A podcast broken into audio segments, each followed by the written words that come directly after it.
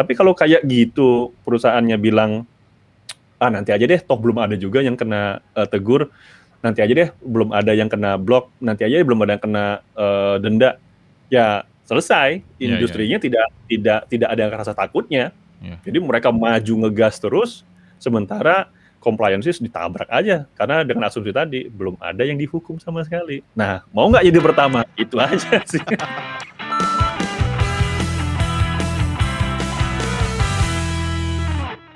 podcast ngobrolin startup dan teknologi bareng gue Imbre dan kali ini kita akan ngobrolin tentang salah satu topik yang mungkin lagi booming sekitar satu atau dua minggu yang lalu yaitu tentang data breach.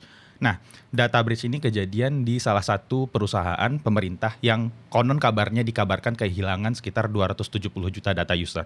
Tapi malam ini kita nggak akan bahas tentang perusahaannya siapa, dan kemudian uh, kita nggak akan nyari-nyari kesalahan perusahaan tersebut, tapi yang ingin gue bahas adalah tentang bagaimana kita sebagai seorang user bisa membantu uh, bisa bisa tahu tentang apa yang harus kita lakukan ketika hal-hal seperti ini kejadian atau kira-kira kita sebagai user bisa nggak sih kita meminta pertanggungjawaban dari perusahaan tersebut kalau terjadi kejadian data breach. Jadi malam ini uh, gue udah kedatangan salah satu tamu spesial namanya adalah Mas Tintin, bukan nama sebenarnya. Jadi beliau adalah technical IT, security advisor dan investigator dari salah satu perusahaan IT. Jadi ya udah langsung aja kita perkenalkan beliau. Halo Mas Tintin, apa kabar? Halo Imre, baik baik. Makasih banget udah mau diajakin. Kemarin tuh sebenarnya episode ini dadakan banget karena tiba-tiba kemarin gue ngejapri Mas Tintin, Mas mau dong ngobrol soal data breach. Nah, uh, jadi emang mendadak, serba mendadak. Dan terima kasih Mas udah mau diajak ngobrol malam ini. Ya, begitulah. nah, sebelum sebelum uh, kita ngobrol tentang data breach, uh, kita bisa apa kalau ada kejadian hal kayak gini? Kalau boleh, perkenalkan diri sedikit dong, Mas. Oke, okay. thank you. Uh, nama gue panggilannya Tintin. Ya, di komunitas biasanya dipanggil Tintin. Uh, gue berapa tahun ya? Sekitar lebih dari 18 tahun uh, di dunia IT dan eh, uh, 10 tahun terakhir ini uh, berkecimpung di uh, security khususnya di uh, digital forensik. Okay. Jadi uh, sebelumnya memang uh, sebagai Java programmer 12 tahun lebih lah overlap antara pengalaman uh, programmer dan digital security, uh, digital forensik. Oke. Okay. Sekilas berarti, itu aja dulu. Berarti lo, uh, gue boleh bilang bahwa lo adalah orang yang tepat untuk membahas topik kayak gini. Mungkin ya, harusnya sih begitu ya. Amin, Teman gak tahu deh. Okay. Kita juga. uh, juga deh. Gue langsung aja mas. Jadi gue penasaran nih, ketika ada kejadian data breach kan data breach ini di Indo lah kita ngomong udah beberapa kali kan yeah. kejadian ada beberapa e-commerce juga sebelumnya dengan jumlah data yang uh, dikabarkan bocor itu ada 13 juta, 90 juta dan sekarang nih paling baru tuh 270 juta kemungkinan seluruh rakyat Indonesia ini. Nah, pertanyaannya gue penasaran sebenarnya dari perspektif user apa sih Mas yang harus kita lakukan ketika kejadian data breach ini? Gue pengen mulai dari sana okay. kali ya. Oke, okay. uh, eh, berarti kasusnya kayak kita nih, kayak yeah. Iya. uh, Mas Imre sama gue uh, terdaftar di salah satu layanan yang diwajibkan. Jadi kalau yang kita bahas di uh, uh, kasus yang baru-baru ini, itu sebenarnya kan kita mau tidak mau ya harus mau ber, karena ada undang-undang yang mengaturnya. Oke. Okay. Jadi undang-undang itulah yang memaksa kita untuk memberikan data kita secara benar. Kalau uh, undang-undangnya bilang bahwa uh, oke okay, kalau tidak ada uh, data yang uh, mungkin datanya tidak diberikan secara benar maka kita uh, melanggar undang-undang dan itu ada pidananya. Nah, jadi uh, like it or not kita terpaksa menjadi user di sistem tersebut. Beda halnya dengan kasus kasus yang sebelumnya yang 90 juta dan 13 juta data itu kan saya di sistem tersebut saya menggunakan nama nama seadanya. Nomor oh. telepon, nomor telepon burn phone. Uh, alamat, alamat saya bisa menggunakan alamat mana pun mau PO box mau segala macam yang penting barangnya nyampe hmm. uh, itu kan artinya tidak ada keabsahan atau uh, datanya boleh mau bocor juga silahkan paling banter juga nomor telepon uh, dan email yeah. email kita bisa punya email yang aneh-aneh tanpa mengacu kepada satu dan itu pun bisa diganti nah kalau misalnya saya sebagai user dan terpaksa punya data uh, saya dan kemudian di uh, submit atau di-upload ke sistem tersebut oh, bukan karena saya juga, tapi karena saya men, uh, diwajibkan oleh perusahaan, perusahaan diwajibkan oleh undang-undang tersebut untuk mendaftarkan saya. Hmm. Nah, saya juga harus uh, mikir ini uh, apakah nanti akan ada penyalahgunaan di dalam uh, data yang disubmit tadi. Saya juga misalnya kalau nggak uh, uh, mau, saya nggak mau terus kenapa? Oh nggak boleh mas, harus ngasih data yang uh, benar nih. Namanya nggak boleh disingkat jadi nama Tintin, nama aslinya siapa?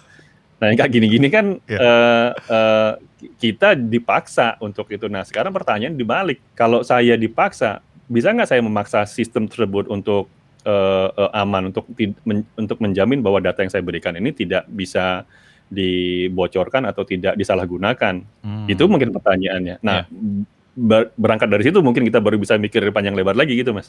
Oh, I see. Tapi kan kalau kita uh, kita pakai kasus yang paling dekat lah yang mungkin 270 hmm. juta data ini. Itu kan tadi kayak lo bilang kita terpaksa oh, suka nggak suka kita harus ngasih data. Tapi kan selama ini yang kejadian kita nggak tahu kan sebenarnya data kita itu diapain Uh, itu yeah. satu. Kalau menurut gua, gua nggak pernah tahu nih data gua diapain, uh, data gua ada apa aja, apa rekam medis gua juga diapain, gua juga nggak tahu. Kemudian ketika ketika kejadian kayak gini, apakah gua juga seharusnya buta juga, atau sebenarnya ada nggak sih mas yang bisa gua lakukan? Apakah gua bisa uh, bertanya, ada tempat bertanya, atau gua bisa nggak tahu? Uh, menurut lo gimana? Secara uh, praktisnya kayak gimana sih kalau hal-hal kayak gini kejadian? Nah, uh, ini yang yang jadi blind spotnya kita. Kita uh, uh, saya misalnya gitu, saya uh, selalu kalau misalnya diminta KTP, fotokopi, saya akan membuat watermark, misalnya untuk oh. perpanjang uh, BPKB oh. uh, atau STNK atau keperluan lain. Saya buat watermark se seblur mungkin, tapi bisa kelihatan kalau ini ke copy maka ini pasti dari sistem itu dari yang saya submit. Nah itu kan sebenarnya uh, cara saya untuk uh, mencegah biar up, jangan sampai nanti uh, KTP saya atau identitas saya itu bisa di, di disalahgunakan. Karena pernah kejadian saya jual beli mobil mobil saya jual dia minta Pak KTP-nya mana Pak? Karena mau diurus gitu. Mau diurus ternyata dia sudah tujuh tahun menggunakan KTP saya di mobil yang saya jual sudah lama itu. Nah, oh. ini kan artinya karena saya tidak punya watermark di situ. Kemudian uh, saya nggak bisa tahu nih. Yang saya bisa tahu adalah kasusnya ketika saya mem mau membeli mobil kedua, uh, uh, karena kan kebetulan lagi nggak di Indonesia. Jadi pas pulang ke Indonesia, loh kok saya dianggap punya dua mobil. Oh, nanya ya? sama sistem yang sama. Iya, nanya ya. sama sistem yang sama. Pak, kenapa saya uh, dianggap sebagai dua mobil? Loh bapak mobil pertamanya yang ini masih punya bapak kan? Oh enggak, sudah saya cabut. Nah, artinya kan dari situ kita berkaca, tidak ada tempat untuk bertanya uh, yang secara centralized yeah. data tersebut itu sudah masih masih uh, apa? sudah disalahgunakan atau uh, sudah diganti dengan pemilik yang asli. Itu baru kasus mobil. Bagaimana dengan kasus uh, dengan kebocoran data tadi? Saya juga nyari-nyari. Saya bahkan hunting uh, ada nggak sih layanan yang bisa nyari tahu dari 279 juta data itu katanya itu uh, yang yang uh, apa namanya terdaftar kemudian nama saya ada apa enggak dan yeah. siapa aja terdaftar karena kan bukan saya aja yang terdaftar di sistem yang itu bisa jadi saya istri anak kemudian hmm. mungkin saya daftarin siapa pun nah nggak ada yang bisa saya temukan caranya gimana saya taruh bahwa itu data tersebut sudah di uh, salah gunakan atau dibocorkan pihak lain kecuali dari uh, hearsay. Oh. Jadi kan susah nih uh, yeah. uh, validitasnya. Katanya sih data kamu bocor, Tin. Gimana cara tahunya? Nah, yeah, yeah, itu yeah. yang yang yang yang sampai sekarang di Indonesia nggak ada data itu. Ada pun layanan-layanan kayak misalnya periksa data, kemudian kayak Fabin Pound itu kan hasil dari agregasi data-data yang tadi misalnya free satu juta itu dikumpulkan, oh. dicek, oh ini ada tapi kan itu baru satu juta, 278 jutanya itu nggak di nggak di taruh di situ karena dia tulis bawahnya ini berdasarkan satu juta hmm. data tadi. Jadi terus terang nggak tahu ada sistem apa enggak yang bisa uh, uh, apa namanya uh, ngasih tahu bahwa ini bocor apa enggak. Jadi kalau saya sebagai pemilik sistem, saya akan bilang gimana caranya membungkam semua orang-orang yang banyak omong ini nih biar orang lain nggak tahu bahwa sistem saya sudah jebol terus segala macam. Hmm. Jadi uh, uh, memang misteri sih memang sekarang data kita bocor apa enggak itu. Dan mungkin di luar negeri juga nggak tahu ya ada apa enggak ya uh, bahwa dia bisa ketahuan data yang disalahgunakan. Toh juga pasti akan ada semacam cyber threat intelligence yang ngasih tahu eh uh, saudara Tintin uh, emailmu ini diketahui bocor saya akan ganti. Cuma itu aja. Oh. Tapi tidak ngasih tahu bocor dari mana. Dia cuma bilang kami dapat feed dari CTI uh, Cyber Threat Intelligence bahwa uh, dari sebuah sistem mengatakan bahwa alamat email Anda ini uh, bocor. Tapi kan itu email, yeah. bukan kayak kalau kita waktu di US itu ada SSN, yeah. SSN-nya bocor, ini gimana? Kalau misalnya uh, nomor uh, uh, uh, apa sih namanya itu? Ya, uh, uh, SSN itu bocor, itu juga uh, nunggu berita baru blow up baru ketahuan juga sih mas, gitu. Tapi uh, berarti kita sekarang sebagai user udah pasrah aja gitu kalau seandainya nanti tiba-tiba KTP gue dipakai jadi buat uh, ngelamar pinjol, berarti ya udah gitu gitu mas. Nah, itu yang yang saya bilang tadi kayak sitting duck gitu sudah. Jadi kayak uh, bahkan saya juga cukup surprise dengan beberapa teman bilang, "Tin, mau ini nggak blanko kosong nggak?" "Ah, buat apa?" "Ya siapa tahu butuh." Mikir-mikir, "Buat apa blanko kosong ya?" Jadi kan kalau uh, pinjol-pinjol yang ilegal itu kan nggak begitu ketat yeah. posisi uh, KYC-nya. Yeah. Jadi selama kita muka ada liveliness, ada senyum suruh senyum, nyengir suruh nyengir, ngebling suruh ngebling, KTP kan dipegang gini. Iya. Lah KTP itu kan asli atau enggaknya kan kalau kita tap dengan readernya datanya kebaca. Lah kalau blanko kosong PVC gitu, saya cetak di uh, apa namanya kayak percetakan-percetakan sablon-sablon gitu kan nggak ada yang tahu itu apaan. Iya iya. Jadi iya, iya. benar kita juga jadi sitting duck atau kayak kemarin teman-teman bilang uh, coba cek jangan-jangan nanti uh, uh, apa namanya layanan di uh, Imani yang butuh KYC itu Imani Premium itu pasti daftarin nanti ada tulisan uh, anda sudah terdaftar. KTP Anda sudah terdaftar. Nah kan berarti cara ngeceknya aneh kan? Iya, Harus iya, iya, daftarin dulu semua. Apa jaminannya ketika kita daftar iya. bukan kita jadi korban nanti? Iya, iya. Kayak gini nih yang sebenarnya masih bumerang di saya itu. Iya iya berarti ya berarti gimana ya? Kita kayaknya dari dulu sampai sekarang tuh kita sebagai rakyat Indonesia diajarkan untuk ya udahlah lu pasrah aja lah kayak gitu. Itu sebabnya dari dulu waktu tiga tahun yang lalu sudah sudah ikutan berbagai macam diskusi tentang perlindungan data pribadi segala macam. Semakin lama ditunda, semakin banyak kebocoran. Nah, sekarang ini ultimate leak-nya nih. 279 juta meskipun ada yang dinaik. Enggak mungkin orang sistemnya aja cuma punya 220 juta di mana sisanya. Yeah. Ya, mungkin orang yang udah meninggal segala macam kan kita nggak tahu. Orang kalau programmer kan Imre programmer kan Gak mungkin kita ngapus yeah. database kan? Yeah. Kita buat flag aja, flagnya jadi nonaktif. Lah yeah. kalau ditotalin, recordnya tetap sama 279 juta juga. Yeah, yang kayak gitu-gitu sebenarnya yang yang kita uh, bingungkan di sini di Indonesia mau gimanain. Kesedih banget gue. Uh, ngomong-ngomong mas, uh, kalau seandainya ini kejadian, apakah sebenarnya dari perusahaan yang datanya dicuri itu, apakah mereka punya uh, kewajiban untuk ngasih tahu usernya? Kan kalau sekarang kan uh, kita lihat berita yang terjadi adalah Menkominfo memblokir website tersebut, kemudian memblokir akun hackernya dan segala macam. Tapi kan sebenarnya ya udah datanya udah dijual dan kemudian udah diblokir pun orang tetap bisa akses VPN. Jadi sebenarnya tanggung jawab yang perusahaan ini nih yang megang data kita tuh gimana sih harusnya bertanggung jawaban mereka atau nggak ada? Nah, uh, sebenarnya uh, ada PP itu ya kalau salah tentang PSE penyelenggara sistem elektronik. Iya. Ingat saya. Jadi ini agak-agak aneh nih. Jadi kalau PSE-nya tidak terdaftar, otomatis tidak diatur oleh PP tersebut. Oh. Misalnya okay. nih, saya punya sistem uh, katakanlah namanya uh, tokotintin.com. Nggak pakai doa dia ya, tokotintin.com. Uh, lokasinya saya buat kantornya di Cayman Island lah jadi bukan Indonesia, yeah. tidak terkena peraturan segala macam uh, badan usaha di Indonesia. Mm-hmm. Semua saya bilang saya broadcast servicesnya di Indonesia, uh, di mana pun, termasuk di Indonesia. Contohnya kayak PayPal, PayPal gitu kan uh, di sistemnya di di di luar negeri semua. Yeah. Kemudian orang bilang saya terima donasi lewat PayPal. PayPal kemudian mau diatur oleh uh, BI misalnya katakanlah atau diatur oleh regulator lain. Terus PayPal bilang, loh saya kan tidak menargetkan Indonesia Kenapa hmm. saya harus mempunyai kantor di Indonesia? Yeah. Artinya kan kalau ada punya kantor Indonesia, badan hukum Indonesia, badan oh, hukum Indonesia okay. harus patuh dengan peraturan Indonesia. Yeah, yeah, nah, yeah. kalau dia nggak mau, nggak bisa diatur dalam PP tersebut. Padahal di PP itu ada bilang bahwa jika terdapat, saya lupa bahasa tepatnya gimana, bilang bahwa peraturan pemerintah itu kalau ada kejadian maka harus dilaporkan pada kesempatan pertama.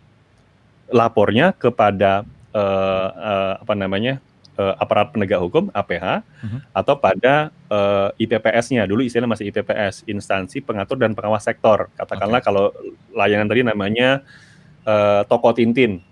Artinya kan itu kalau dia ngakunya sebagai toko maka memperindak uh, katakanlah jual-jualan atau uh, ini layanan uh, uh, punya imani katakanlah situ. Maka regulator IPPS-nya adalah Bank Indonesia atau OJK. Ya. Nah, harus lapor ke salah satu itu.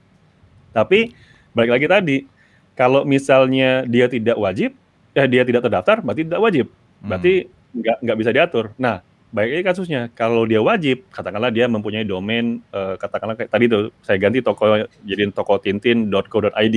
Ya. Karena domainnya domain ID, kemudian PT PT Indonesia, maka saya wajib. Nah, oh Barulah PP tadi bilang bahwa pada kesempatan pertama, pertanyaannya, loh saya nggak tahu kalau saya kena hack, yeah. terus saya mau lapornya gimana? Iya. Oh iya pak, menurut, nah kan, kan menurut info hacker yang di forum sana, website bapak kena. Ntar dulu, ntar dulu ya, saya cek dulu nih, apakah saya kena hack apa enggak. Artinya kan saya sebagai yang punya sistem, yang punya uh, katakanlah perusahaan tadi akan bilang, ntar dulu, ntar dulu, ntar dulu saya nggak hmm. punya detection nih. Katakanlah yeah. gini, saya langganan di AWS. Yeah. AWS itu kan kalau by default ngidupin EC2 server nggak berdasarkan nggak ngidupin juga lognya kan? Kenapa? Yeah. Karena lognya pun dihitung yeah. Iya. dolarnya per jamnya berapa, per gigabyte-nya berapa. Saya bilang ah nggak punya duit nih, belum punya uh, apa namanya, belum punya investor. Ya udahlah, yeah. hidupin EC2 server aja, lognya nggak hidupin. Artinya pas saya uh, by default cuma ngeliatin log yang ada di EC2 servernya atau di instansinya doang, gak saya nggak punya log untuk di uh, trafficnya. Iya. VPC-nya nggak saya log. Kemudian uh, yang koneksi ke situ, yang ke drop ke situ, yang kan katakanlah saya punya default firewall, saya nggak hmm. tahu siapa yeah. yang sudah ke drop oleh default firewall tadi, kemudian yang di allowed siapa. Artinya saya blind, visibility saya rendah. Nah, hmm. Nah, kalau perusahaan yang nggak bertanggung jawab, itu balik lagi ke risk appetite di perusahaannya. Kayak saya nih misalnya, kalau saya dibilang uh, kantor eh toko toko Tintin tadi itu katakanlah yeah. omset saya cuma 2 juta sebulan deh, yeah. kecil memang. Kemudian saya dipaksa jadi PSE karena saya memenuhi ketentuan bahwa oh portalnya di Indonesia, ada transaksi di sana, PT di sana, hmm. artinya wajib nih Kemudian, oke okay lah saya mau meningkatkan visibility saya. Oke, okay, apa yang harus saya lakukan nih? Pertama, Anda harus ngidupin uh, uh, lognya. Ntar, ini log per menit, per, de, per gigabyte berapa ya? Nambah berapa dolar. Yeah. Kemudian, saya harus langganan, katakanlah, uh, uh, kalau ada layanan semacam Cloudflare gitu, yeah. uh, proteksi WAF-nya di depan, hidupin lagi total-total saya harus butuh orang yang bisa ngerti cara setting, ngerti monitoring, ngerti uh, config yang benar, kemudian saya total. Ntar dulu, omset saya 2 juta. Per bulan saya harus memelihara semua ini total 7 juta. Ya rugi dong. Ntar dulu Pak, ini nggak masuk di akal dengan saya. Ya. Saya bilang, ya udahlah saya nggak bisa. Tapi like it or not, data saya karena saya butuh koneksi ke katakanlah ke uh, sistem yang lain dan harus diverifikasi karena mungkin peraturan dari regulator seperti uh, Bank Indonesia katakanlah harus ada menerapkan prinsip KYC, kemudian yang lain-lain. Akhirnya saya harus meningkatkan nih. Wah, saya sih harusnya nggak bisa cuman sekedar uh, omset 2 juta. Ini harus omset yang 2 miliar. Karena 2 miliar omsetnya masih nutup untuk operasi memelihara programmer yang canggih, kemudian network sistem administrator yang canggih, mm -hmm. kemudian memelihara uh, infrastruktur dari depan ke belakang. Nah, yang ini kan artinya masih belum masuk risk appetite-nya para pemilik perusahaan. Hmm. Jadi kalau kita bicara ngomong lagi uh, risiko nih sama kayak misal gini, saya dibilangin sama istri saya kalau ke, ke kondangan kawinan, eh ingat umur, kalau ada stand kambing guling, nanti kolesterol saya udah diingetin nih. Jadi posisinya nih udah diingetin nih. Tapi kan saya bilang santai. Kantor ada asuransi mengcover semua peny segala penyakit. Artinya kan saya accept semua risk kan? Iya, yeah, iya. Yeah. Jadi jadi dengan dengan dengan behavior atau mental uh, thinking yang sama, kita coba bilang santai. ada kasus berapa sih yang bocor tapi sudah diproses sampai ke segala hukum? Nggak ada kan? Heeh. Nah, artinya lebih baik apa? Kalau saya sebuah perusahaan, saya mungkin nggak membeli seberapa berbagai macam perangkat tadi yang ngabisin omset saya, ketimbang saya membuat press release. Saya bilang saya Ah. eh, hire eh, good PR deh, katakanlah bukan bukan mendiskreditkan orang ya. Iya, saya iya, mungkin les aja deh les les atau misalnya ikut bimbingan jadi public speaker deh. Iya, iya, iya, Kemudian saya Oh, gitu. kata-katanya gini-gini. Eh, kami telah me- berusaha semaksimal mungkin untuk bla bla bla dan kami mendeteksi bla bla bla dan kami akan melakukan pemeriksaan pertama. Udah, press release-nya kayak gitu aja. Hah. Nah, kalau misalnya dibilangin eh, nggak ada eh, hukuman yang setimpal katakanlah karena saya tadi omsetnya 2 miliar, eh 2 juta, kemudian saya harus memelihara infrastruktur katakanlah 7 juta sebulan minus 5 juta. Tapi kalau saya tidak memelihara itu, maka saya didenda 5 miliar. Pilihan saya ada dua, Hmm. stay in the business, tapi dengan memelihara eh, 7 juta tadi, kerugiannya. dan meningkatkan omset, jadi biar nutup. Atau ya sudah, saya keluar dari bisnis saja lah, saya gabung dengan orang lain. Nah, di Indonesia belum ada hukuman yang berat. Iya, Kalau kita lihat di GDPR, GDPR yang di Europe itu, kalau misalnya ada perusahaan eh, di Europe, kemudian dia punya cabang di katakanlah US, kemudian di Asia juga, kemudian dia eh, apa namanya menyimpan data eh, citizen di Europe, di EU, dan bocor, dendanya itu adalah 4% dari global revenue atau 20 juta euro. Yang mana yang lebih tinggi? Oh, oke. Artinya kalau misalnya eh, global revenue dia sekitar 100 eh, juta euro katakanlah, denda 4% kan 4 juta tuh Iya. masih. Tapi masih lebih rendah dibanding 20 juta, maka ini 20 juta eh, euro. Kalau segitu kan artinya perusahaan baru mikir dong, ah gila daripada gua denda 20 juta euro, Iya. mending gua cari CISO yang gajinya sebulan kemarin lihat berapa? 350 eh, ribu Ribu. USD. Iya. Kemudian kita nyari security engineer 200 ribu, kita nyari ini, nyari itu, kemudian Hmm. total oh masih sekitar 600 700 ribu nih, masih di bawah 20 juta. Itu dianggap premium. Baik lagi ke Oh. kasus tadi. Balik lagi ke kasus tadi, misalnya saya dibilangin oleh istri saya jangan makan sembarangan. Oh santai, asuransi tadi premiumnya itu preminya cuma 700 ribu, mengcover Ah. semuanya. Jadi lebih berani kan saya kan? Iya, iya, betul, betul, betul, betul. Nah, jadi konsep yang kita pakai untuk untuk eh, eh, men- melihat ini sebagai perusahaan itu memang butuh eh, mindset dari CEO-nya. Kadang-kadang malah CEO-nya suka nantangin. Eh, misal katakanlah gini, ada kan biasanya ada posisi GRC itu, Iya, eh, iya. compliances, eh, eh, apa namanya risk eh, dan Ya, eh, governance, governance. risk and compliance gitu kan. Tata kelolanya, Pak, kalau mau buat tata kelola seperti ini, maka kita harus mempunyai proses harus begini ini nih. Langsung baru di G-nya aja di governance aja bilang, ntar dulu effort yang kayak gini, lu pakai ngabisin resource eh, Hmm. programmer gue berapa persen nih? Mereka harus bisa coding dan deliver dua, dua minggu nih, karena sprint kita per dua minggu. Em, ya Pak, mungkin akan membutuhkan effort programmernya sekitar 30%. Wah gila lu, effort programmer gue jadi berkurang gara-gara itu. Nggak usah. Hmm. Dari G-nya aja sudah nggak mau. Iya, iya. Kita tunjukin risikonya, Pak, kalau nggak ada, kalau nggak gini risikonya nanti kita nggak hitung. Biarin nanti aja.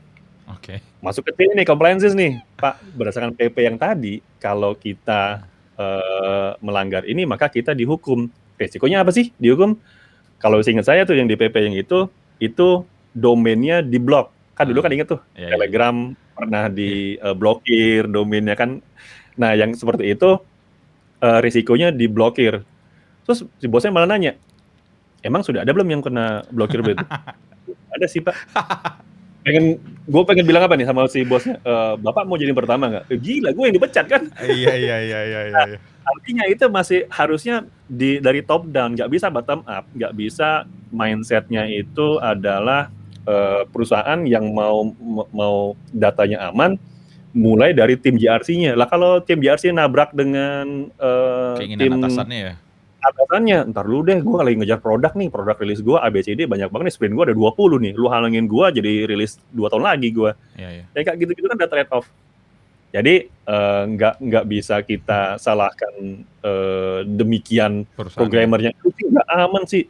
Jadi memang benar harus dari top down dulu uh, si CEO-nya akan bilang mindset, oke, okay, gua nggak pengen produk gua rilis kalau nggak aman. Iya, iya. Satu-satunya meeting dengan berbagai macam stakeholder di posisi paling atas yang berani bilang itu baru sebuah perusahaan payment di Singapura.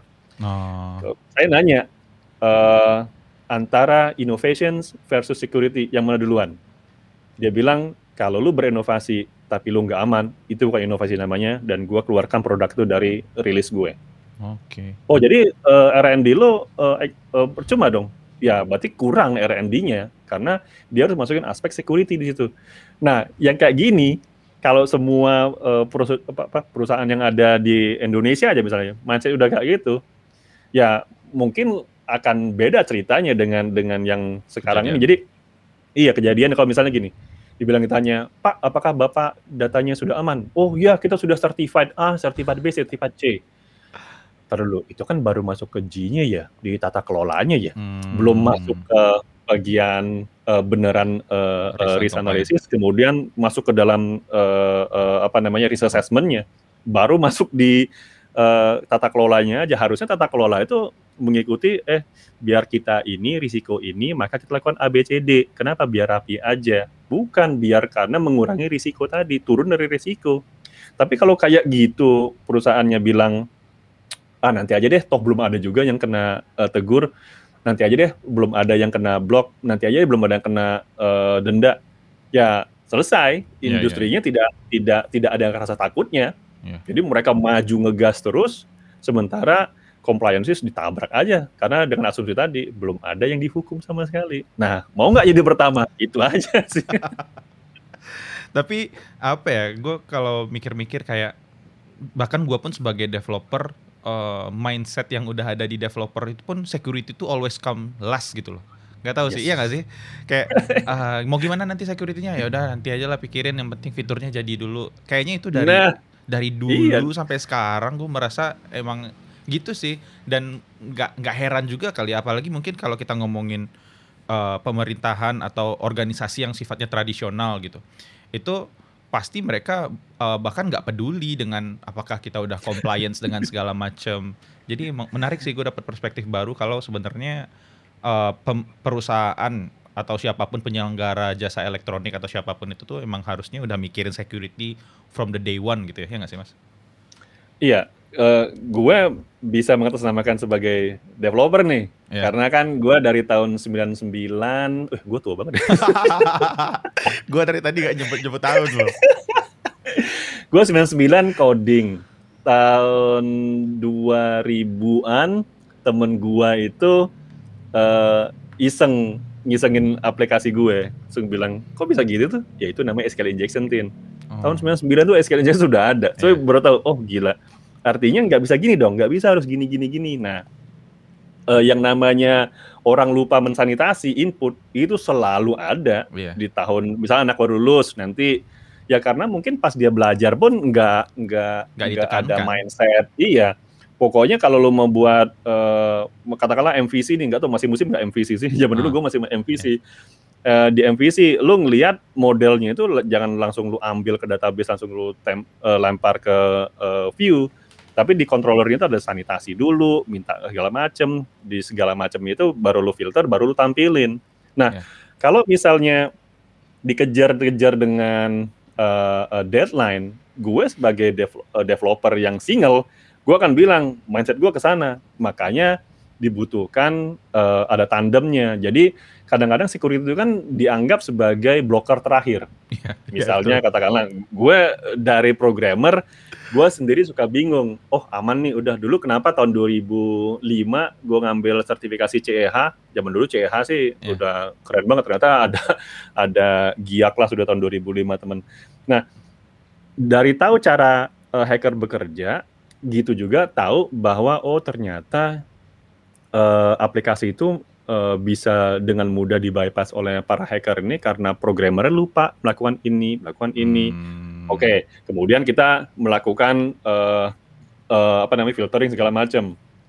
Balik tuh kemarin setelah saya uh, melepaskan posisi men dari uh, developer, Yeah. pindah sebagai QA, pentester segala macam.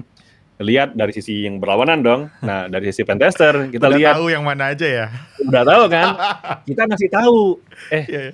gue bisa masuk nih kayak gini. Kadang-kadang kan pentester internal yang suka suka sengak tuh. Iya. lawannya developer internal tuh kadang-kadang. Lu apa sih ngerecokin gua aja? Kalau pentester eksternal kan bayarnya mahal tuh. Iya, iya. Kadang-kadang iya. kan di, eh, di respect lah bisa-bisa hasilnya gimana pokoknya udah gini. Tapi kalau pentester internal ditanyain mau lu apa sih? Gua dikejar-kejar nih kayak Iya, gini-gini iya, kan. iya, iya, iya. Nah, makanya pendekatan gue karena dulu gua di pentest oleh eh, internal, kemudian nggak ngasih solusi apa-apa. Misal gini, eh ini bisa nih masuk pakai tools ini, tanya solusinya gimana bos? Ya nggak tahu lu fix aja. Lu katanya gile, gue udah coding gila-gilaan gitu, cari juga cara yang eh, eh, sendiri.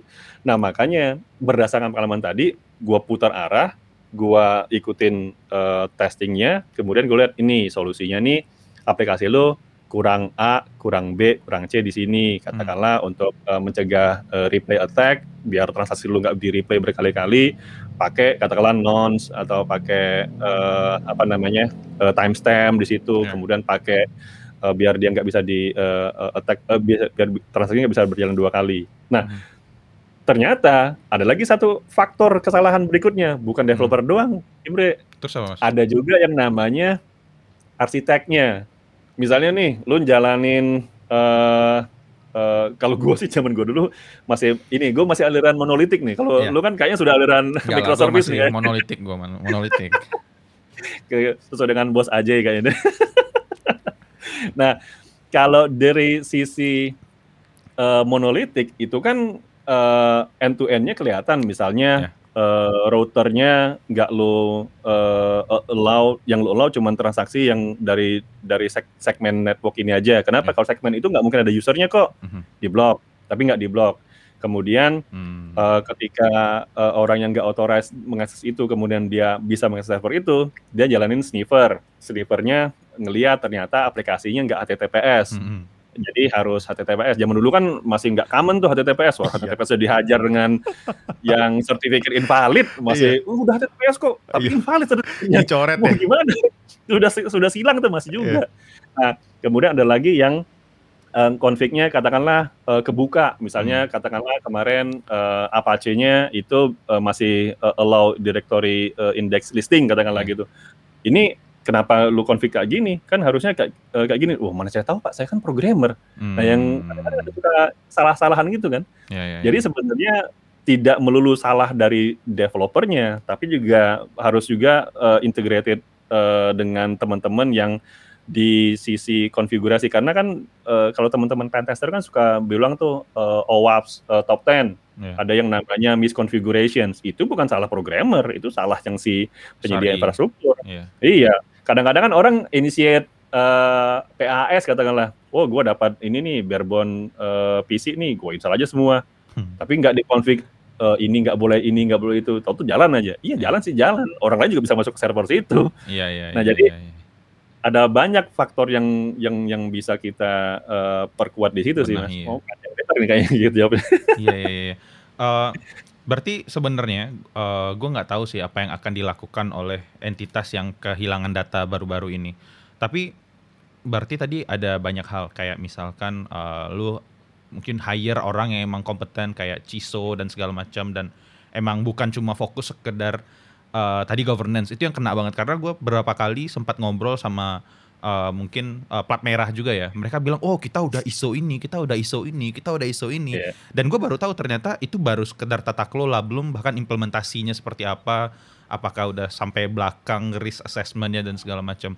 Jadi kayak apa ya gue rasa gue ngerasa mungkin sebagian atau beberapa perusahaan eh, ada oknum-oknum perusahaan yang mungkin mengatasnamakan kayak apa ya gengsi lah. Oh kita udah ISO ini ISO ini. Tapi sebenarnya pada kenyataannya ya di dalamnya berantakan juga Eh, mungkin ada developer yang ngerjain semuanya Eh, develop juga ngedeploy infra segala macam sampai lupa kan jadi eh, ya gitu ya mungkin nih mudah-mudahan didengar nih oleh pemerintah-pemerintah kalau seandainya tim IT itu bukan cuma sekedar uh, gitu doang. Nah, yang sering salah kaprah tuh gue rasa tuh kalian kan tim anak IT, jadi asumsinya anak IT itu bisa semuanya. Itu sih yang gue rasa sering salah kaprah ya. Apalagi dengan uh, bapak-bapak gue pernah beberapa kali ngobrol, Mas, uh, kalau seandainya saya mau bikin sistem kayak gini, database saya harus seperti apa, Pak? Eh, harus seperti apa, Mas? Wah, Pak, saya bukan orang database. Nah, tapi kan Mas anak IT. gimana ya? Bingung juga ya jawabnya ya. Terus kayak uh, gimana gimana gue bisa ngejelasin apa kan bingung juga kan jadi mungkin ya ya gitulah dilema sih emang iya nah makanya sebenarnya harusnya sih ini kondisi ideal ya. ya. Jadi dulu kan juga sempat mendampingi. Jadi saya bukan tim uh, core-nya, jadi sempat mendampingi uh, dua kali uh, sertifikasi ISO hmm. 27001. Ya. Sekarang kan sudah jadi SNI tuh. Hmm. Uh, jadi kayak uh, SMP itu ada si uh, dari Permen Kominfo nomor dua eh, nomor 4 ya, 4 tahun 2016 eh, atau 2012 saya lupa. Nom, 2016. Itu kan uh, harus uh, memiliki sistem manajemen pengamanan informasi mengacu ke ISO 22001. Kalau dijalankan dengan benar itu harusnya uh, benar. Yeah. Tapi kan gini, yang namanya compliances itu kelihatannya uh, jadi kayak nothing karena cuma sekedar checklist, hmm. belum menjadi culture. Itu yang susahnya. Kenapa? Yeah. Karena kalau bisa gini, uh, dulu inget tuh tahun 2015 eh, ya, 2015 password harus diganti tiga bulan sekali. Password yeah. diganti gimana? Taruh di uh, dulu kan masih belum zaman tuh namanya one password atau oh, iya, iya, iya, uh, gitu kan. Pass, itu beneran pakai vault ya LastPass. Itu beneran pakai vault beneran. Lemari besi yang putar kanan, putar kiri, putar kanan, buka semua sistem uh, yang diganti pa passwordnya itu ditaruh di amplop tertutup, dicap, ditaruh di sana, dan setiap kali uh, orang yang uh, misalnya gue lagi cuti, passwordnya cuman gue yang tahu, tapi di situ di situ ada tahu di di apa namanya default ada sistemnya. Jadi gue eh, pengganti gue datang ngambil ke sana, buka uh, passwordnya, uh, passwordnya ABCD katakanlah, terus kemudian uh, disobek, diganti baru masukin lagi. Itu ada berita acara yang semua. Oh nah, gitu. itu baru urusan password. Itu kenapa kayak gitu? Karena diturunkan dulu. Jadi yang namanya R-nya itu risk-nya itu ada dimulai dengan uh, aset dulu, aset identifications. Hmm. Penting nggak sih uh, di di kantor kita ini uh, password? Oh, nggak penting lah, kan yang penting kan uh, database-nya. Lah, yeah. Kalau gua masuk ke servernya kemudian uh, pakai password yang admin 123 pagar gitu, itu yeah. kan atau password PA keong segala macam yang standar itu itu kan risikonya sudah teridentifikasi dong bahwa ini uh, passwordnya mudah ditebak segala macam. Nah, ketika sudah ada identifikasi aset, baru turun lagi namanya identifikasi, identifikasi risiko. Kira-kira nih ada risiko apa sih terhadap aset ini? Oh. Katakanlah kayak uh, uh, uh, sistem tadi risikonya katakanlah mati lampu, eh mati lampu orang lama banget gue, mati listrik. Iya yeah, iya yeah, iya. Yeah mati listrik artinya gue perlu genset, gue perlu uh, backup uh, line, makanya perlu di hosting di uh, data center yang tier 4 yang punya dua source uh, uh, power. Yeah, yeah. Atau kemudian ketika risikonya diidentifikasi sebagai oh ini terlalu mudah orang bisa masuk ke server, oke batasin dengan katakanlah uh, apa namanya ada firewall, kemudian ada akses control yang diterapkan segala macam. Akses control itu kan ada jadi checklist. Yeah. Jadi di di governance itu tata kelolanya itu outputnya dari hasil uh, risk identification tadi. Hmm. Tapi kalau risk identification part yang tidak dilakukan dengan baik, katakanlah di sistem tadi, yeah, yeah, yeah, yeah. kita ngomong yang namanya risiko kebocoran data. Itu kan asetnya apa dulu? Kalau menurut mereka bahwa aset uh, data dari uh, pengguna sistem ini bukan aset, artinya mereka akan miss di risk identifications. Oh, Loh, bukan aset, ngapain gue lindungin? Katakanlah uh, di meja ini, gue bilang handphone gue ini, ini aset berharga nih. Kenapa? Kalau nanti uh, ditelepon oleh bos nggak diangkat, nanti gue dipecat. Wah ini aset berharga nih. Hmm. Atau orang bilang, udah hilang aja handphone, nanti kalau bos telepon bilang aja hilang, dipecat. Oh nggak apa-apa, nanti kita ke cara lain. Mungkin risikonya bukan bukan itu. Dia bilang, hmm ya udah beda orang beda risiko beda melihat uh, risiko terhadap aset kan yeah, yeah, yeah. nah kalau asetnya miss to be identified maka akan berikutnya adalah miss uh, risikonya akan nggak kelihatan juga handle, ya. risiko risiko nggak kelihatan nggak ada yang namanya uh, uh, preventifnya nggak ada hmm. uh, risk transfer atau risk mitigation yang nggak ada dan ketika jebol ayo cek ke belakang ada nggak ingat loh ISO itu ada scope-nya Iya. Jadi kalau misalnya company kami sudah ISO 27001, tanya skopnya apa? Bisik-bisik, skopnya ruang tamu sih, Pak. Hah? Ruang tamu kenapa? Ada ada guestbook, bisa. Ya tapi kan konyol kan kalau Iya, itu iya, agak-agak ridiculous lah. Tapi kan bisa jadi skopnya adalah pengamanan data nasabah. Nah, itu baru ISO 27001. Tapi kalau Hmm. ISO skopnya eh, eh, apa namanya? eh, tadi itu yang Iya, yang iya. nggak relevan dengan perlindungan data nasabah itu menjadi pertanyaan lagi. Bapak gembar-gembor ISO 27001, tapi nggak bilang ke kami bahwa Bapak itu skopnya eh, apa namanya eh, bukan pengamanan data. Nah, yang itu sebenarnya yang yang harusnya jadi jadi eh, acuan yang dari pimpinan atas itu tadi sebenarnya. Iya, iya, iya, iya. Menarik. Ini kalau ngomongin eh, perusahaan, pemerintah nggak ada habis-habisnya lah, Mas. Jangan deh, kita ngomong ngomong swasta aja deh kalau gitu deh. Swasta. Nah, Karena jadi ingat gua swasta itu budgetnya bisa sky is the limit loh. Tapi Iya. kalau perusahaan eh, kayak plat merah itu kan eh, ya gue juga pernah eh, tahu juga lah bagaimana cara penyusunan anggaran di Iya. di sana. Katakanlah eh, core bisnis dia itu adalah em, apa ya industri finance dia katakanlah. Mhm. Kemudian kalau dia bilang mau beli server untuk eh, eh, penguatan di finance, mungkin akan cepat. Tapi akan dibilang ini untuk meng-hire eh, CISO eh, gajinya 350 juta 350 ribu USD. Langsung marah-marah. Apain sih ini? Nggak ada hubungannya. Kita ini kan bukan perusahaan IT, kita ini perusahaan eh, Iya. financial sector. Ah. Nah, yang itu kan masih ada gap nih antara eh, eh, core bisnisnya dengan eh, budgetingnya. Padahal kalau, kalau budgeting itu decentralized, misalnya katakanlah, oke, nggak usah jauh-jauh deh, server aja. Masih suka jawab pertanyaan tuh, server email. Kok Hmm. perusahaan, eh, kok plat merah masih pakai Gmail sih? Nggak khawatir. Iya, sumpah. Sumpah, kesel. iya, kesel kan? Nah, kalau kita mencoba menempatkan diri sebagai eh, administrator admin emailnya, itu bandwidth limited. Langganan Iya. bandwidth, katakanlah kantor pusatnya si kementerian itu ada di se- sekitar Monas itu. Itu kan banyak tuh kementerian tuh, di sana itu. Di situ kan eh, banyak lah bisa dari kabel sekitar sampai berapa gigabit per second gitu. Saya lihat ada beberapa ada kementerian yang bisa narik kabel tiga link, satu link itu satu gigabit per second. Wah, keren banget ini Iya.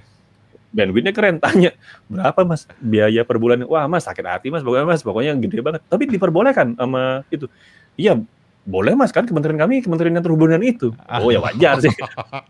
Nah bayangin itu baru ngomongin bandwidth. Belum lagi ngomongin kalau ngomongin email itu kan beli server emailnya redundant di satu node Iya. kemudian multiple site. Iya. eh satu satu site multiple node. Eh, kemudian berapa site biar dia redundant. Iya. kemudian komunikasi antar servernya pakai katakanlah pakai eh, DWDM deh biar dia nggak eh, ada latency yang eh, lumayan tinggi. Kemudian itu sudah udah berapa tuh punya server berapa license berapa kemudian orang Pakai maintain Gmail. berapa sewa listrik berapa. Katanya ya udahlah mending Gmail aja. Iya. Gmailnya pun Gmail bisnis kan? Lucu lucunya itu ya Gmailnya pun bukan Gmail bisnis mas sekarang lucunya. Gmail Oh, Gmail pribadi biasa? Gmail pribadi. Jadi gue pernah dengar cerita dari teman eh, bahkan atasannya sendiri yang bilang oh kirimnya harus lewat Gmail ya kata. Padahal dokumen yang dikirim tuh lucu. Jadi menurut gue emang masalahnya tuh mindset kali ya.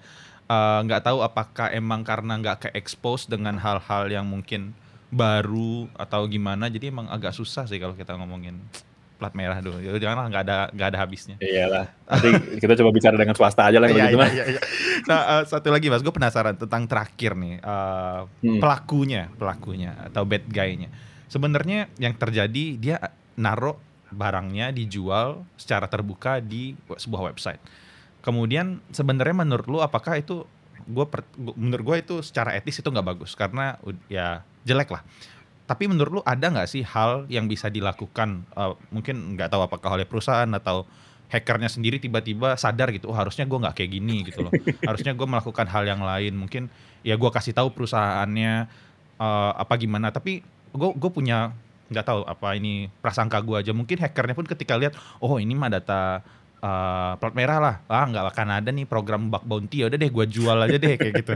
Nah, apakah hal-hal ada nggak sih sebenarnya yang bisa dilakukan supaya eh, hacker itu nggak melakukan hal-hal seperti itu atau sebenarnya hacker ini harusnya gimana? Oke.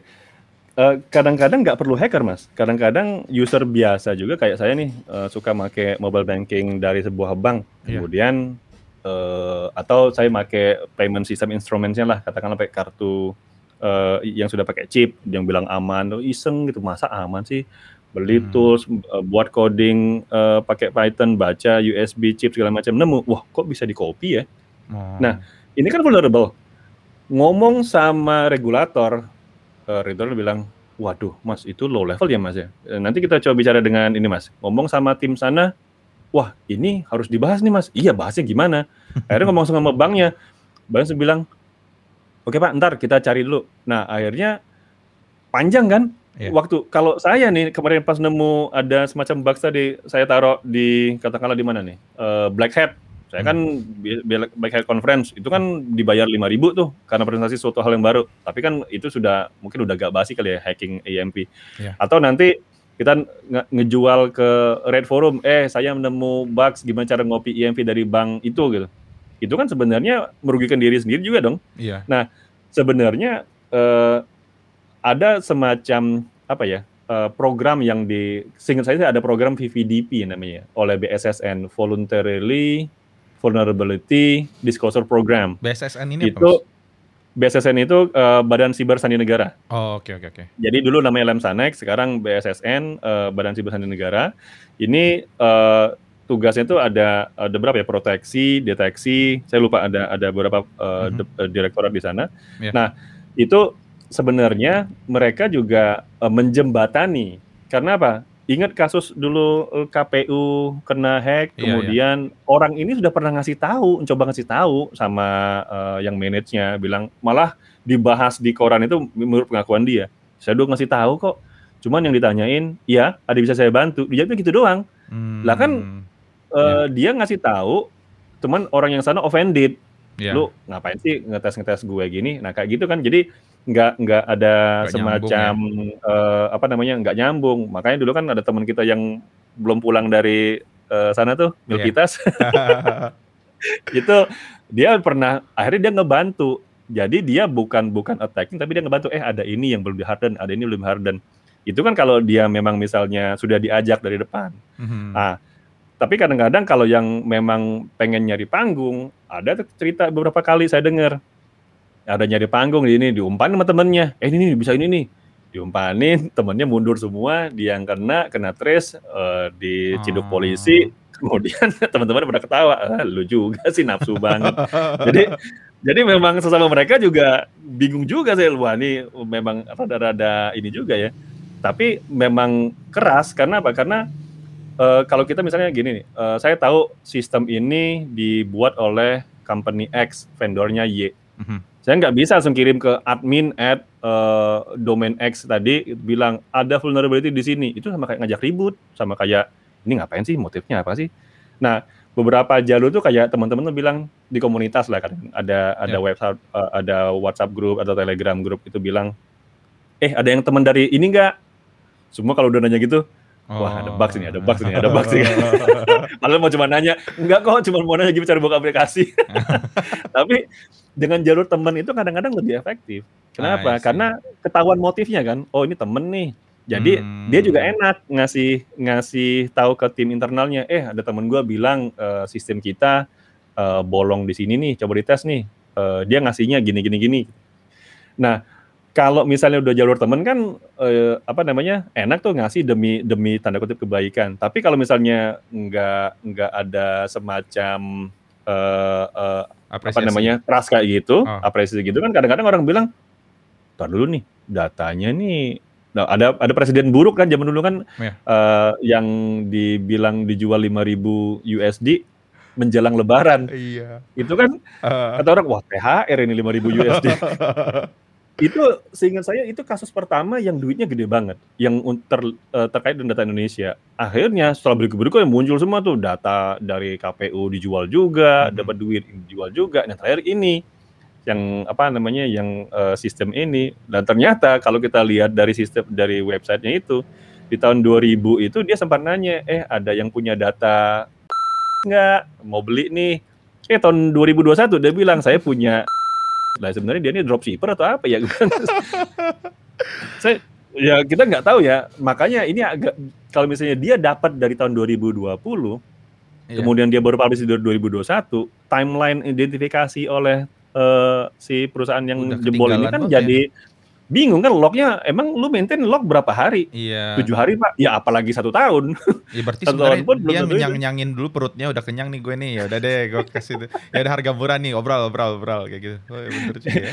ya beberapa beberapa case juga kayak gitu karena ngobrol sama teman-teman juga wah ini kalau gua jual ke dulu kan ada namanya Fupen tuh Fupen itu kalau misalnya ada semacam eh, zero day zero itu artinya eh, ada eh, vulnerabilities atau ada security issues yang bisa dieksploit yang belum di patch sama si Ah, oke. eh, prinsipalnya itu zero day kalau dijual kadang-kadang harganya bisa ribuan Iya. nah makanya eh, bug bounty itu kadang-kadang nyarinya angkanya gede-gede tuh Hmm. Eh, misalnya kayak Apple, kalau Apple eh, membuat nanti katakanlah ada iOS 15 masih beta, kalau dia bisa menemukan eh, eh, beta ada bugs-nya sebelum dia rilis, maka dia akan tambah 50%. Total paling tinggi yang Hmm. yang pernah di offer oleh Apple kan dua setengah juta USD. Iya. Itu gede banget tuh.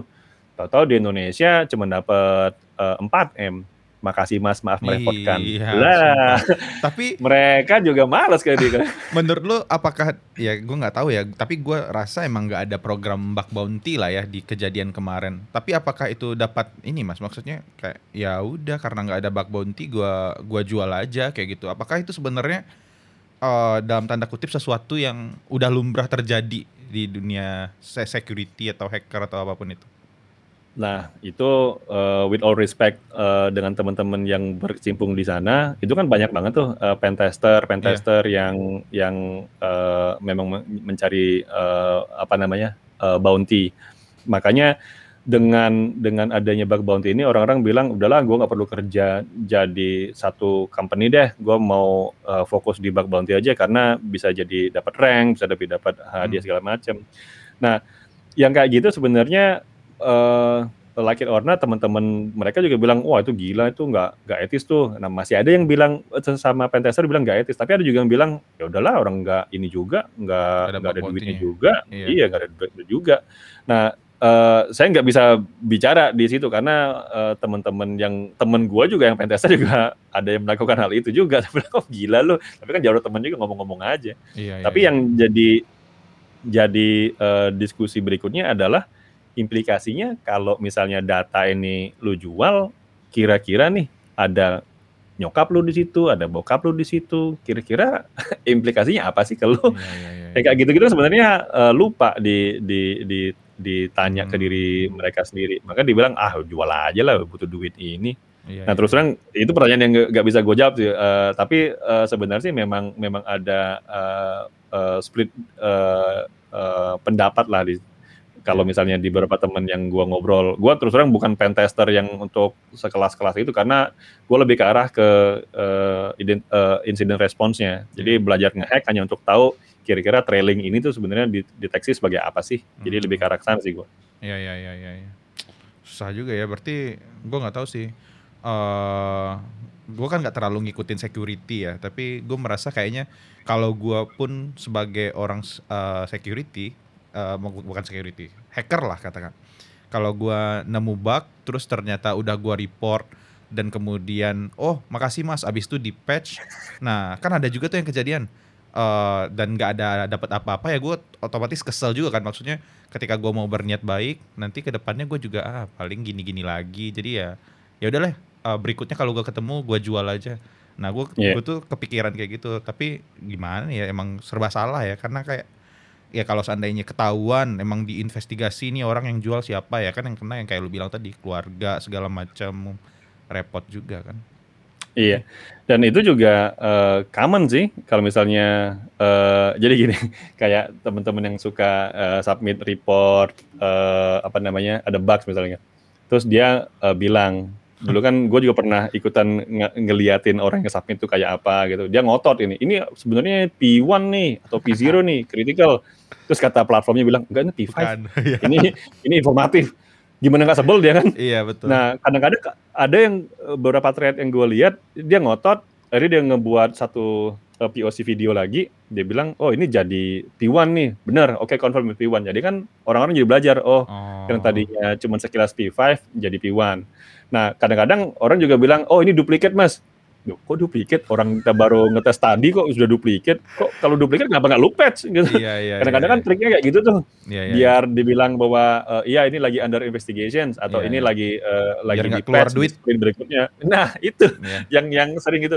Tapi kadang-kadang akhirnya teman-teman yang suka gitu bilang, "Oh, karena udah di patch, maka saya publish ke eh, eh, apa namanya? ke blognya dia." Kadang-kadang kan eh, sesama teman-teman pentester itu kan nulis tuh Iya. eh, how do I get eh, eh, RCE with XSS atau kadang-kadang senilai 20.000 ribu kadang-kadang gitu kan orang Hmm. jadi terinspirasi oh ternyata stepping kayak gini jadi mereka sharing Iya. nah yang kayak gitu-gitu sebenarnya eh, di luar dari dia dapat apa enggaknya duitnya ya tapi kan ada semacam oh dia banyak nulis nih banyak ini jadi Hmm. kayak ada eh, eh, kalau orang tuh bilang reputasi cendol lah kalau istilah zaman dulu gue orang lama banget ya. cendol Iya, iya, iya. Berarti kalau gua simpulkan sebenarnya dari obrolan kita tentang eh, dari perspektif user, perspektif perusahaan, bahkan perspektif pencuri datanya pun kalau gua boleh tarik itu sebenarnya kuncinya emang adalah lu harus meng-hire orang yang tepat ya nggak sih Mas? Yang tahu.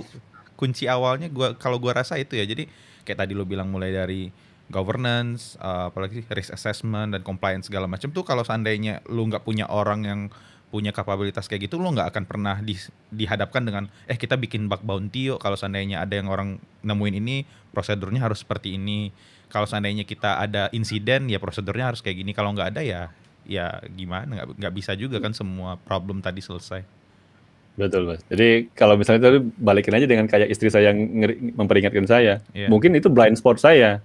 Iya. Eh, kalau makan banyak kambing kebanyakan tuh kolesterol tuh. Awalnya mungkin saya nggak tahu. Oh, masa sih kolesterol?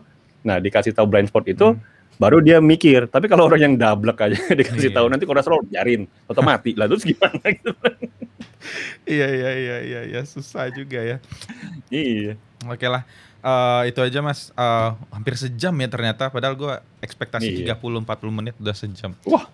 luar biasa. Iya, banyak thank you banget, thank you banget mas. gue mendapatkan banyak ilmu karena gue terus terang untuk security gue emang nggak terlalu detail. Jadi gue tahu ya security ya sekedar uh, lu all out, uh, gimana lu nge-secure database, kemudian mungkin lebih dari perspektif aplikasi kali ya.